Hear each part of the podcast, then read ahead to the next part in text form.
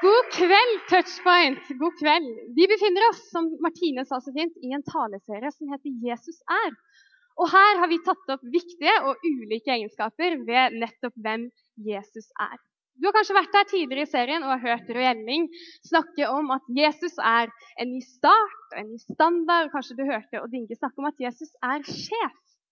Og I dag skal jeg snakke om noe annet Jesus er, nemlig min og forhåpentligvis din også venn. Jeg heter Hanna, jeg er 22 år, og jeg tok en test for et par år siden som skulle si meg om jeg er ekstrovert eller introvert. Og Disse ordene det er utenlandsk og betyr sånn veldig kort fortalt hvor du henter energien din fra.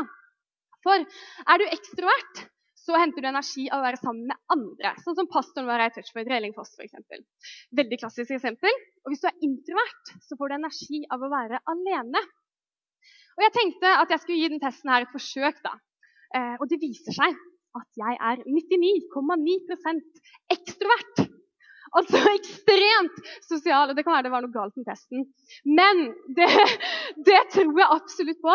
Jeg sier egentlig at jeg lider av ekstroverthet, for det kan ofte være en plage i hverdagen.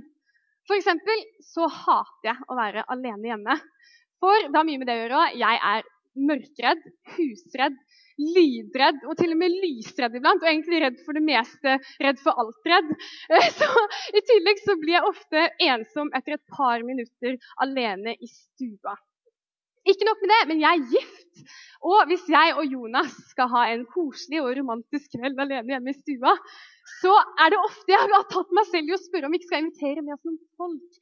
Fordi Jonas liksom er en del av huset vi bor i, og han telles liksom ikke som folk. Så jeg er altså sykelig sosial, og jeg blir fort ensom hvis jeg må tilbringe en hel dag alene. Så det med venner det har på en måte alltid vært ganske viktig for meg. Både den store vennekretsen med folk som jeg møter en gang iblant og har det kjempegøy med, men også de nære og gode og varme relasjonene. Og Da vi lærte på søndagsskolen, som var noe jeg gikk på da jeg var liten, at Jesus er vår venn, så hadde jeg på en måte ingen problemer med å relatere til det. For det betydde vel at han var kul og liksom alltid var der. Og sånn, ikke sant? Og jeg tenkte lenge på det med at Jesus er min venn. Som noe sånt som dette. Nå skal jeg få, ja, der har du den, vet du. Med glitterskrift. Eh, og, og, jeg tenkte kanskje at det var noe jeg kom til å vokse av meg etter hvert. Men nå, etter å ha liksom blitt litt mer voksen, så har det med at Jesus er min venn, istedenfor å ha blitt mer vokst fra meg, det har vist seg å være absolutt sant og relevant i min hverdag. Du skal snart få vite hvorfor. For nok med det, ikke nok med det, si, men i en hverdag med stress og press og jag etter suksess, eller hva, så ser jeg absolutt verdien i å kunne la seg selv være litt barnslig, da, om du vil, og si at Jesus er min venn. Og Det kan være at du har et annet forhold til ordet venn enn det jeg har. Kanskje du er 99,9% introvert og trives best med én eller to venner rundt deg, eller helt alene. Eller kanskje du har et litt sånn anstrengt forhold til det å være en venn eller å ha en venn. Du sliter kanskje med å finne folk som du både kan holde på og stole på og være deg selv med. I tillegg så synes jeg at de sosiale mediene har endra litt på vennebegrepet. I for min del. For det å få en forespørsel, en venneforespørsel på Facebook betyr nødvendigvis ikke at dette liksom er en venn du kommer til å ha det dødsgøy med å invitere i bursdagen din. Det er ikke sikkert du møter den vennen engang. Og alle vet at du kan ha 1000 venner på Facebook, men likevel føle deg både ensom og venneløs. Men uansett hva slags forhold vi har til det å både ha en venn eller å være en venn, så tror jeg alle vi her inne har til felles at vi en, eller annen gang i livet har møtt på en venn både på godt og vondt, kanskje. Og vi vet alle at den perfekte venn ikke finnes. Vi er alle mennesker, og vi gjør feil. Og vi klarer ikke helt å leve opp til forventningene som andre stiller til oss som venner, og forventningene som vi stiller til andre som venner. Du har kanskje opplevd svik fra en venn eller vært den som har gjort noe dumt selv. Det har i hvert fall jeg. Så vi vet at vi ikke kan være perfekte venner for de rundt oss, og at den perfekte venn ikke finnes. Men hva hvis jeg sier deg at den perfekte venn finnes, og at du ikke trenger å lete lenge for å finne han i det hele tatt? En venn som ikke ser på Instagram-profilen din i lommeboka di eller hvor, mange, hvor mye lån du har, eller som ikke ser hvor mange ganger du har trent det siste året, eller hvor kul du er i sosiale settinger. Og selv om du nå har blitt voksen og fancy, og alt sånt, så tror jeg dette gjelder for oss nå også, og kanskje til og med mer enn da vi var små. til og med. I Bibelen kan vi lese flere ganger at Jesus kaller dem han møter, for venn. Jesus hadde en gjeng med etterfølgere som ble kalt disipler. Og Mange av disiplene de fleste av dem, var jøder. Og Jødene trodde og tror fortsatt at det skulle komme en som het Messias. Altså en konge som skulle frelse dem og gjenopprette det som en gang var i Israel. Og Så kommer Messias og er Jesus. Og Mange mente at Jesus ikke var Messias fordi han var en fattig snekker fra landet og ikke den store kongen kledd i gull som de trodde det skulle være. Men mange trodde imidlertid at Jesus var Messias, og de så dermed på Jesus som Gud og Herre. Og jeg vet ikke med deg, men jeg hører liksom ord som Gud og Herre, og sånn, så får jeg nødvendigvis ikke Mine første assosiasjoner er liksom ikke ah, venn, ja, ja, det er det du mener. Men likevel så sier Jesus noen ord i Johannes kapittel 15, vers 15, lett å huske, som snur litt på standarden. skal vi lese. Han sier, 'Jeg kaller dere ikke lenger tjenere, for tjeneren vet ikke hva Herren hans gjør.' 'Jeg kaller dere venner, for jeg har sagt dere alt jeg har hørt av min far.' Jesus snur liksom forholdet her fra å være liksom herre og tjener til å være et gjensidig venneforhold. Og Fundamentet i det venneforholdet det ligger på en måte i den frie utvekslingen som er mellom Jesus og disiplene hans. Han deler alt med dem, og han skal faktisk snart til å gi livet sitt for dem også. Og Når Jesus kaller disiplene sine for venner, så gjelder ikke det bare de etterfølgerne hans som var så heldige å være der mens han gikk på jorda. Sykt flaks, liksom. Det gjelder deg også du følger Jesus, i 2015 på touchpoint i dag også en venn. Så good news, folkens. Men hva betyr det for mitt og ditt liv? Hvilke egenskaper er det Jesus har som gjør han til potensielt din beste venn? Jeg har valgt ut 1000. Ja, jeg har valgt ut fem egenskaper som dere skal få av meg her i kveld. Jeg kunne valgt ut 1000, men pga. tidsbegrensningene så blir det fem. Så blir nøye dere med det. Og noter gjerne, for det er en veldig fin måte å huske det som blir sagt. Og Den første egenskapen du skal få av meg, som gjør Jesus til potensielt din beste venn, det er at Jesus tar meg som jeg er. Det er få ting som er så fint og behagelig som å kunne være seg selv i selskap med andre. ikke sant? Og at du ikke trenger å føle deg dum eller dømt for det.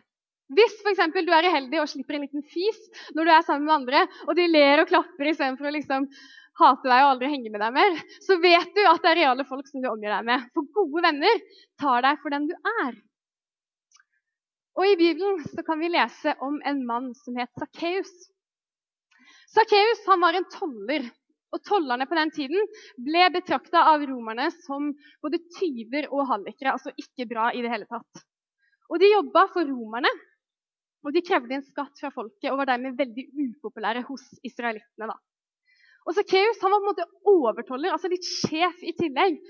Og han stjal og han underslo fra den som han krevde inn penger fra. Og han var veldig rik, naturligvis, eh, og han var en liten mann.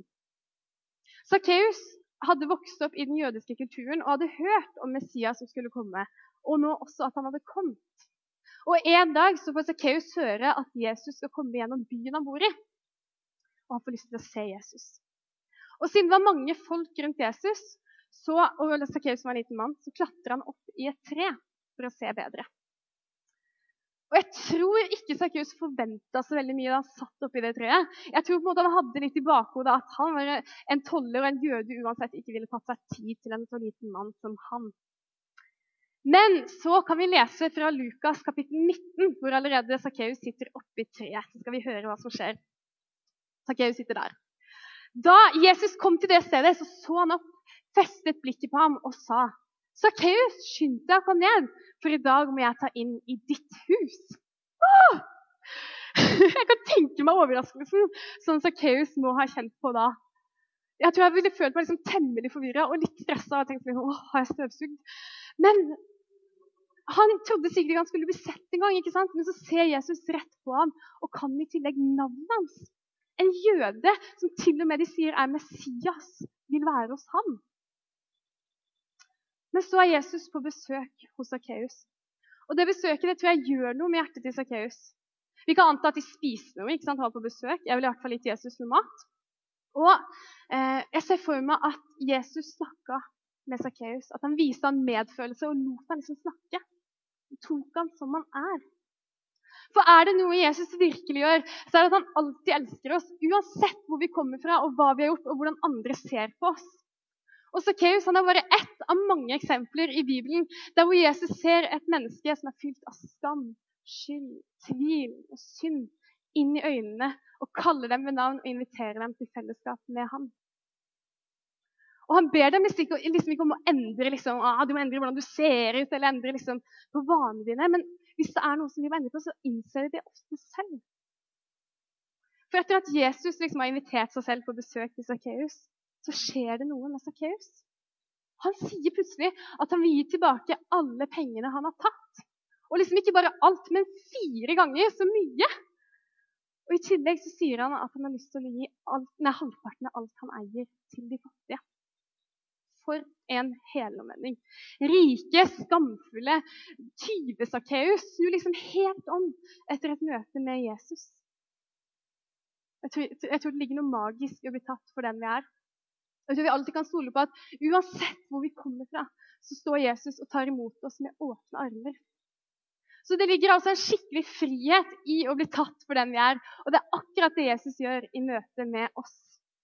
Så der har du første gode egenskap. Og den neste er at Jesus kan jeg regne med. Har du noen gang vært ute og hatt det gøy med venner, kost deg skikkelig, ledd og holdt på, og så kommer du hjem og så skal du pusse tennene, litt høy på livet fortsatt, ikke sant? Og så ser du til din store forferdelse at hele kebabpizzaen dere spiste, sitter midt mellom fortennene dine. Og ingen sa noe! Det er en grufull følelse. Så har du liksom gått rundt og gnist og holdt på vet du, åpen liksom, en hel pizza mellom tennene. Jeg, jeg, vet ikke, Det er ikke sikkert du har opplevd det, men jeg har opplevd det veldig mange ganger. Jeg måtte til slutt ta en alvorsprat med et par av vennene mine og si liksom at dere må si ifra neste gang jeg har noe mellom tennene. For det gjør en god venn. En god, fra, en god venn sier ifra når man har noe mellom tennene, eller har boblestemme, eller har dopapir under skoen. ikke sant? Det er sånn det er. Men det er liksom ikke alle vennene mine jeg regna med ville sagt ifra hvis jeg hadde boblestemme. Men så er det liksom de jeg vet ville ledd ropt 'boblestemme' og liksom herma etter meg. For jeg vet liksom at jeg kan regne med dem, og jeg har tillit til at de ville sagt ifra. I tillegg så har jeg en favoritttype menneske i livet. Med fare for å høres skikkelig klein ut. Og det er jærbuene. De har en enorm dugnadsånd, og de tar alt som skjer i livet, på strak arm. En jærbu det er en du alltid kan regne med. Og jeg tror at hvis Jesus hadde vært norsk, så hadde han vært fra Jæren. Fra Nærbø eller Varhaug med hammeren i den ene hånda og termos med kaffe til alle som ville ha i den andre. Go gang! Er det noe for Jæren her? Woohoo! Jeg skulle ønske jeg var som dere. Men Jesus kan man alltid regne med, ikke sant? Han sier det selv i Johannes kapittel 14, vers 14. I stad var det 15, vers 15. Han sier at dersom dere ber om noe i mitt navn, vil jeg gjøre det. Dersom dere ber om noe i mitt navn, vil jeg gjøre det. Han sier også i Matteus kapittel 18, vers 20 at hvor to eller tre er samlet i mitt navn, er jeg midt iblant dem. Så fantastisk! Ikke sant? Vi kan alltid regne med Jesus, og vi kan be i hans navn og være sikre på at han hører oss uansett. Og Vi kan også være sikre på at han er her på touchpoint og feirer gudstjeneste med oss akkurat nå. Det er en god venn. Og jeg utfordrer deg til å be i Jesu navn oftere. Og be som om man sitter rett ved siden av deg. Du trenger liksom ikke å bruke masse fancy ord og presentere. ja, Jesus, der er bare Hanna Træn som ringer. Eh, personnummer 080593. ikke sant? Jesus vil at vi skal regne med han og be som om han sitter rett ved siden av oss. Og ikke bare når vi er i kirken og blir minnet på at aha, det går an å be. ikke sant? Jesus syns jo. Men også liksom, når det ikke går så bra i livet. Og de mindre store situasjonene i livet. Jeg har hørt mange historier fra både venner og mennesker jeg ikke kjenner, om at de har bedt om noe i Jesu navn, og at det har hjulpet. Mennesker som har blitt helbreda fra sykdommer eller redda fra farer osv. Og Sånne historier de på en måte styrker troen min på at det er noe fantastisk og mye større enn vi aner ved Jesu navn. Men også i de små tingene så tror jeg Jesus vil at vi skal regne med ham. som Jeg sa i sted. Jeg opplevde det selv nå nettopp. For eksempel, bitte lite eksempel. Jeg jobber i barnehage på småbarnsavdelingen. Det er den koseligste jobben hun skal ha. Eh, men der skulle jeg legge en liten gutt som var så overtrøtt og hyper og lei seg. Og Det var på en måte ikke sjans til å få han til å sove. Jeg prøvde alt. og så liksom Trylla og ga han sutten og sang og nynna. Men ingenting hjalp. Han, liksom, han ville bare ikke sove. Og etter en god stund så innså jeg plutselig at her har jeg prøvd alt annet enn å be. Og er ikke det typisk dere? Jeg tror det har mye med å gjøre at bønn ofte blir forbundet liksom med de store veiskillene i livet. Kanskje ikke så mye som de små. Så jeg ba en kort og presis bønn om at denne gutten skulle få sove godt i Jesu navn. Og så skjedde noe helt fantastisk som jeg faktisk aldri hadde opplevd før da. For akkurat idet jeg var ferdig med å be, så sovna gutten smilende. Og jeg syns det var helt sykt! Det er sant, det skjedde. Men det er bare et bitte lite eksempel fra hverdagen på at vi alltid kan regne med Jesus selv i de små tingene. Så vi kan alltid regne med Jesus. Og Det var egenskap nummer to. Og Nå skal vi få egenskap nummer tre. Og det er at Jesus gir meg hvile. Uansett hva slags forhold du har til kristendommen, så tror jeg du har møtt på de ti bud en gang i livet. Kanskje du har et skikkelig dårlig forhold til dem. Kanskje du syns du høres sykt stress ut, gammeldags, bare for jøder. Eller kanskje du liksom er på helt andre siden og har gjort alt du kan i livet ditt for å prøve å holde dem. det tror jeg vi alle kan være enige om er ganske umulig. Og Jeg har ikke tall på hvor mange ganger jeg våkna og tenkt liksom, yes, ny dag, blanke ark. Jeg skal ikke gjøre noen gale ting i dag. Ikke lyve, ikke misunne, ikke baksnakke. Og så står jeg opp og så går jeg til kjøkkenet og så skjeller jeg ut Jonas fordi han ikke sparte havregryn til meg, og stirrer stygt bort på naboen fordi deres blomster holder seg lenger enn mine. Så jeg tror vi alle kan være enige om at vi er ikke i stand til å holde de ti bud. Og egentlig så er jeg litt glad for det. For det gjør at jeg møter meg selv og mine begrensninger litt i døra. Og skjønner hvor fantastisk det er at Jesus kom hit av ren og skjær nåde og døde for meg og deg. Slik at på nettopp mine dårlige dager så er det plass til meg også. Og blant de ti bud så er det ett bud jeg syns vi liksom skal ta fram igjen og polere og pusse og gi en ny 2015-drakt. Og det er bud nummer tre skal holde hviledagen heller. Nei da, du skal holde hviledagen heller. og det, det, høres ut som et gammelt og stramt bud. Men jeg tror likevel det er noe ekte og sant ved det å ha en dag i uka der vi på en måte kan legge fra oss maskene litt og fokusere på de tingene i livet som er gode og ekte. Og jeg syns søndag passer fint til det. Jeg tror Gud mente det godt da han oppfordret oss til å hvile i slutten av uka og for å lade batteriene til ny en søndagsåpen Gud. Og Vi er jo midt i debatten nå. ikke sant? Søndagsåpne butikker eller ikke. Jeg ville vært en hykler dersom jeg hadde vært imot søndagsåpne butikker. For jeg er ofte på Kiwi på søndager fordi jeg bare må ha noe. ikke sant? Men jeg liker konseptet. Og Bibelen oppfordrer oss også til å hvile. Jesus selv sier i Matteus kapittel 11 vers 28 Kom til meg, alle dere som strever og bærer tunge byrder, og jeg vil gi dere hvile. En fantastisk invitasjon til å kunne komme og være seg selv og legge fra seg maskene sine og la Jesus ta over. En sånn venn er god å ha. En som åpner armene og lar deg komme og få hvile. Og helt konkret så oppfordrer jeg til å be Jesus om fred i hjertet. For ofte jeg vet ikke hvordan det er med deg, men ofte kan jeg oppleve en slags uro inni kroppen som bare er der helt uprovosert. Og da er det så godt å kunne be Jesus om å få fred og få komme og hvile hos ham. Og Det samme det gjelder også hvis du opplever noe vondt.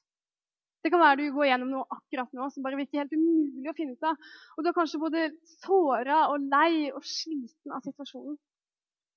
Da vil jeg bare si deg at det er en som ser smerten din. Og Jesus sier at du skal komme til ham og kaste dine byrder på ham og tro på at han kan gjøre det bra igjen. En søndagsåpen Jesus. Så la oss ta tilbake hviledagen, dere. La oss ta tilbake søndag. Som jeg leste på Facebook om dagen, det var veldig bra, jeg må dele med dere. Ja til søndagsåpne Bøker, feltoppgjør, syltetøykrukker, hav, telt, gitarkasser, bedehus, hav, hjerter. Og så legger jeg til min egen ja til søndagsåpne bibler. Og det skal liksom ta oss over til neste punkt. Tenk så heldige vi er som tror på en Gud som oppfordrer oss til å hvile, og som alltid har søndagsåpen. Neste punkt. Nest siste gode egenskap som gjør Jesus til din potensielt beste venn, det er at Jesus guider meg. Noe av det gøyeste vi gjorde på ungdomsskolen, det var å sitte og lese på nettsiden Klara Klok. Du har kanskje hørt om den, du også? Det er et nettsted der man kan sende inn spørsmål til fagpersoner om alt man lurer på. Og Rundt ungdomsskolealder så er det mye man lurer på som man ikke tør å spørre moren og faren sin om, eller som venner man har, ikke kan noe om. Så vi sendte inn spørsmål til Klara Klok i hytt og vær om alt vi lurte på om sex, forelskelse, mat, kropp osv. Og, så og vi fikk gode svar. For ingenting er som et godt råd i rett tid. For gode venner gir gode råd. Du har kanskje en venn du snakker med hvis du lurer på noe i livet. Eller kanskje du har en mormor, en mamma, en pappa eller noen andre som du konkurrerer med når du står i livets veikryss. Noen ganger så må jeg spørre de rundt meg også hvis jeg lurer på noe for er moralsk riktig. Eller hva er rett og galt å gjøre i denne situasjonen. Og Rådene jeg får da, kan være både avgjørende og kjempeviktige for hva jeg velger. Bibelen snakker varmt om å både få og gi gode råd til vennene sine. Og jeg tror at Bibelen er en flott håndbok til hvordan man kan leve livet sitt på best mulig måte for seg selv og for de rundt seg. Den inneholder en haug av gode råd, og jeg tror de har mye å gjøre med at rådene kommer fra sjefen sjøl. Og det står nemlig i Ordspråkene kapittel 2 vers 6. For det er Herren som gir visdom. Kunnskap og forstand går ut fra hans munn. Når man har skapt både menneskene og verden, så burde man liksom ha en viss peiling på how to do life. ikke sant? Og Jesus kom til jorda for å gjøre livet. Han ble menneske. Han opplevde smerte, sorg, hat, forfølgelse. Men også glede og kjærlighet både til de rundt ham og fra de rundt ham. Så Jesus har liksom vært der på jorda, han har levd livet. Og det gjør han i mine øyne til en troverdig rådgiver. For å sette det litt på spissen så synes jeg det virker noen ganger som om vi lever i et samfunn som er prega av at alt er relativt. Altså Alt det jeg tror er, rett, nei, er sant, er liksom sant og rett for meg. Og For å sette det litt mer på spissen så virker det som vi har en mentalitet som altså, så lenge jeg er lykkelig, så kan jeg gjøre hva jeg vil. Og Derfor så synes jeg det blir vanskelig og vanskelig å skulle liksom rote meg fram til hva som er rett og galt i ulike situasjoner. Men heldigvis da, så har vi denne håndboken som kan gi oss pekepinner på hva som er rett å gjøre, og hva som kanskje ikke er fullt så rett å gjøre. Og jeg synes at salmisten som har skrevet Salme 119, sier det så bra i vers 105. Han sier at ditt ord er en lykt for min fot og et lys på min sti. Ditt ord er en lykt for min fot og et lys på min sti. Vi er alle på vei en plass i livet. Kanskje du føler at veien din er en diger motorvei med 100 avkjørsler og null form for skilting. Du aner ikke hvor du skal. Eller kanskje du føler at veien din er en smal og grusete og kjedelig sti uten noen form for avkjørsel eller bedring. Og Uansett hvilken vei du er på, uansett hvor vi er på vei i livet, så har Gud, Gud sitt ord, Bibelen, noen gode råd. Og Gud vil at det skal være som en guidende lykt på vår vei, enten det er motorvei eller sti. Vi leser om Jesus i Det nye testamentet. Og Der er det bl.a. fire menn som heter Matteus, Markus, Lukas og Johannes, som har skrevet ned mye av det Jesus sa og gjorde. Og Her finner du vanskelige temaer og problemstillinger som Jesus forholder seg til, som ikke har gått ut på dato så mye som nesten 2000 år etter det ble skrevet. Og det synes jeg er så imponerende, hvordan liksom Bibelen tar opp sånne temaer som vi står overfor i samfunnet vårt i dag. Fortsatt. Og det gjelder bl.a. moralske spørsmål. Men helt konkrete ting også, som f.eks. hvordan du skal bli kvitt bekymringer, hvordan du skal forholde deg til dårlige venner, hvilke gode egenskaper du burde se etter når du skal ut og finne kjæreste, økonomi osv. Så, videre. så Guds ord er altså en guidebok for hele livet hele meg. Og liksom ikke bare den fromme og kjedelige delen av det. Men her så tror jeg vi har et ansvar også. For du kan liksom fint kalle deg kristen og ikke lese i Bibelen. Men Gud vil at vi skal bli kjent med ham gjennom å lese i hans ord i Bibelen. Og da må vi gjøre det også. Og Jeg har Bibelen på mitt eget nattbord, og jeg har ikke tall på hvor mange ganger den har blitt nedprioritert til fordel for Jo Nesbø eller Lucinda Riley eller noen av mine andre helter. Og Jeg har liksom tatt meg i det så mange ganger. Tenk at Guds ord ligger her åpent og fritt for meg. Jeg blir på en måte ikke fullt for å lese den, sånn som det blir i mange andre land. Og så skal det noen ganger så mye til for at jeg leser den. Og nå er jeg dønn ærlig. Jeg tror ikke vi trenger mer dårlig samvittighet i forhold til bibellesing. Jeg tror vi trenger motivasjon og oppmuntring og engasjement. Det er liksom ofte jeg har slitt med å bestemme meg for noe, bekymra meg eller lurt på hva som er riktig og galt, så har Bibelen blitt siste utvei. Det står veldig fint i 2. Timoteus eh, kapittel 3 vers 16 at hver bok i Skriften er innblåst av Gud og nyttig til opplæring, til rettevisning, mm, veiledning og oppdragelse i rettferd. Så det mennesket som tilhører Gud, kan være fullt utrustet til all god gjerning. La oss minne hverandre på det, det som sto der. La oss søke Gud og Hans ord først istedenfor sist. Jesus sier det også i Matteus kapittel 6, vers 33. Og Det er etter min mening det beste rådet i hele Bibelen. Og Det er noe jeg ønsker å ha som både motto og overskrift for hele mitt liv. Han sier, 'Søk først Guds rike og hans rettferdighet, så skal dere få alt det andre i tillegg.' 16 ord. Én enkel setning, men så inneholder den så mye som setter meg fri fra bekymringer og tanker om fremtiden. Så Jesus han har altså gitt oss tidenes råd, og han ønsker å guide oss som vår venn. Det var fire gode egenskaper i full fart. Nå skal vi få den siste. Det er kanskje den egenskapen ved Jesus jeg mener er den viktigste. Det er at Jesus inviterer meg.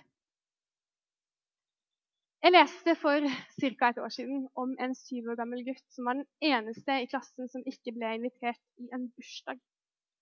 Og da hadde jeg veldig lyst til å gråte. Det er ikke ofte jeg har vært den som ikke har blitt invitert, men jeg har vært den som ikke har invitert. Og jeg skammer meg for det i dag, og jeg angrer fortsatt på det. Og Mange av dere har kanskje også vært de som ikke har blitt invitert. Og dere ser kanskje ikke på de som ikke inviterte dere, som venner. Som man inviterer vennene sine. Og jeg ser på nettopp invitasjonen som både anerkjennende og et tegn på et sunt vennskap. Jesus inviterer deg alltid. Han gikk til de utstøtte i samfunnet først. De som ikke akkurat var høyest på rangstigen. Mennene, f.eks., de styrte mye i samfunnet på den tiden. fortsatt. Og det kvinnene sa, ble på en måte ikke helt regna med. Men da Jesus sto opp fra de døde, så var det en kvinne som først fikk se ham. Så han både anerkjente henne, og han ga henne verdens viktigste nyheter først. I tillegg så spiste Jesus middag med folk som ble sett ned på i samfunnet, som f.eks. Sakkeus, som dere hørte om i stad. Og han hadde et radikalt syn på barnas verdi. Så han var altså åpen, og han inviterte alltid menneskene rundt ham, uansett hvordan de andre så på ham. Og Jesus inviterer deg også alltid til å komme til ham, til å få råd, til å hvile hos ham, til å gråte hos ham, til å glede deg med ham. Det står i Johannes kapittel 15, vers 13, at ingen har større kjærlighet enn den som gir livet for vennene sine. Før Jesus kom til jorda, så hadde det oppstått et skille mellom mennesker og Gud. Og Dette skillet det bærer vi med oss fordi vi er mennesker, rett og slett. Og Det er bare Jesus som kunne gjøre det godt igjen, og det gjorde han da han døde på korset. Og Jesus han inviterer deg i dag til å ta imot den gaven som han ga deg da, til å bli hans venn. Han vil ikke bare være venn med den rikeste, smarteste, flinkeste og flotteste. Han er akkurat din venn. Og han inviterer deg i dag til det. Noe av det siste Jesus sa før han dro opp til himmelen, det var at han ville alltid være med oss alle dager inntil verdens ende. For en fantastisk venn. Jeg syns det er verdens beste løfte å ha med seg. Og til dere som er kristne her i dag, ta med dere invitasjonen inn i hverdagen. Inviter med dere en venn i kirken og vis dem hvor viktig Jesus er som din, som din venn i din hverdag. Jeg tror vi har et stort ansvar som kristne der. Jesus sier i flere ganger i Det nye testamentet. Han sier 'kom og se'. En enkel setning. Kom og se. Ta den setningen til bruk i din hverdag også. Si 'kom og se hva Jesus gjør i mitt liv'. Kom og se hvor mye han kan bety for deg også. Jeg tror vi kan vise de rundt oss Jesus best ved å leve liv som peker på han, og bruke de samme nøklene til gode vennskap i våre egne vennskap som vi kan lære av ham. Jeg tror ikke vi kan være perfekte venner for de rundt oss, men jeg tror at vi kan vise den veien til en perfekte venn og frelser. Og Jesus han inviterer alle mennesker til å leve i fellesskap med ham, som hans venn. Denne taleserien handla om hvem Jesus er.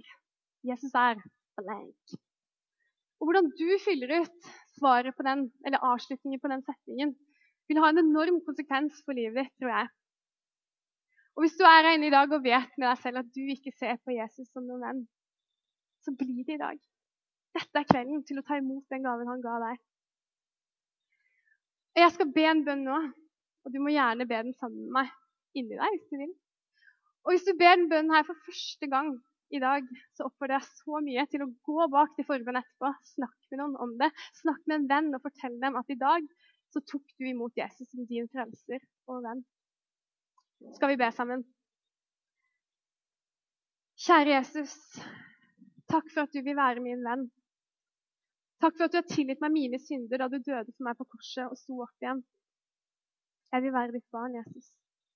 Jeg legger hele livet mitt i dine hender og takker deg for at du har lovet meg å alltid være med meg. Takk, Jesus, for at vi kan komme til deg uansett hva det måtte være i livet. Vi legger hele livene våre i dine hender, Jesus. I Jesu navn. Amen.